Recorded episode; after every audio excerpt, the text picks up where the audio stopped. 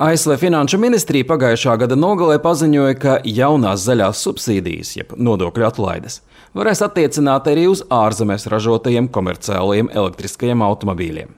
Tie ir gan mikroautobusi, gan kravas automašīnas, gan arī uzņēmumiem piedarošās vieglās automašīnas. Šīs subsīdijas ir daļa no 369 miljārdus ASV dolāru lielā inflācijas samazināšanas akta.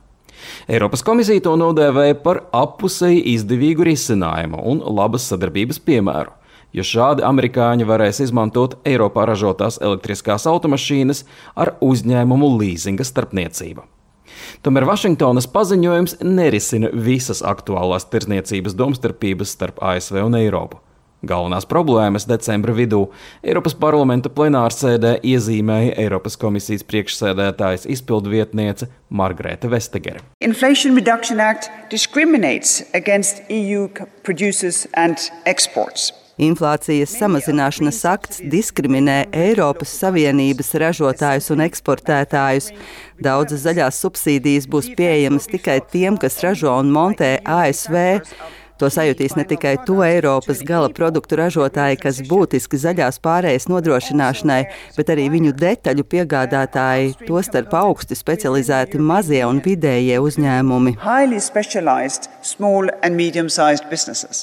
Lielākais strīds joprojām ir par viegliem elektriskiem automobīļiem. Šajā jautājumā ASV Finanšu ministrija gala lēmumu plāno pieņemt martā. Brisele vēlas, lai uz Eiropas ražotājiem tiktu attiecināti tādi paši izņēmumi kā uz Kanādu un Meksiku, ar ko ASV ir noslēgts brīvās tirzniecības līgums. Turpretī daudzi ASV senatori saka, ka likums tika apzināti rakstīts ar mērķi veicināt zaļo tehnoloģiju ražošanu Amerikā. Tādēļ viņi domā, ka nevajag pieļaut nekādus izņēmumus nec Eiropai, nec Japānai vai Dienvidkorejai. Apzinoties, ka vienoties ar amerikāņiem par visiem jautājumiem nebūs iespējams, Eiropā jau skan aicinājumi vienkāršot valsts atbalsta sniegšanu mūsu uzņēmumiem. Tas ļautu viņiem konkurēt ar amerikāņiem un arī ķīniešiem uz līdzīgiem nosacījumiem. Francijas prezidents Emmanuels Macrons uzskata, ka gan Vašingtona, gan Pekina visticamāk pārkāpj Pasaules tirdzniecības organizācijas noteikumus. Mais la réalité, on peut décider d'être les derniers à appliquer des règles. Tā ir realitāte. Mēs varam kļūt par pēdējiem, kas joprojām ievēro noteikumus, ko pārējās divas lielākās ekonomikas vairs neievēro. Es nedomāju, ka tā būtu laba ideja. Es vēlos aizstāvēt darba vietas un ražošanu Eiropā. Moi,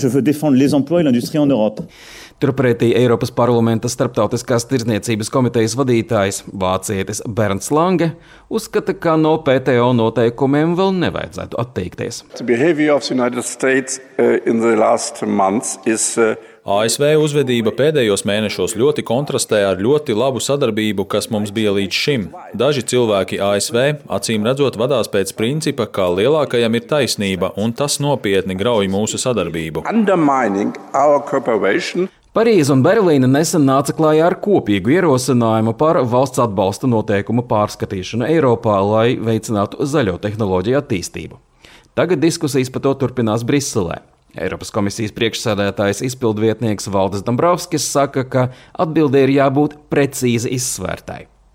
Dāsnās ASV zaļās subsīdijas nav vienīgais iemesls, kādēļ Eiropā valda satraukums par ražotāju nosaņošanu. Bāžas rada arī tas, ka pie mums elektrība ir dārgāka nekā Amerikā. Šie abi faktori pašlaik rada ievērojumu spiedienu uz lēmumu pieņēmējiem. Arčuns Konahaus Latvijas Rādio Briselē.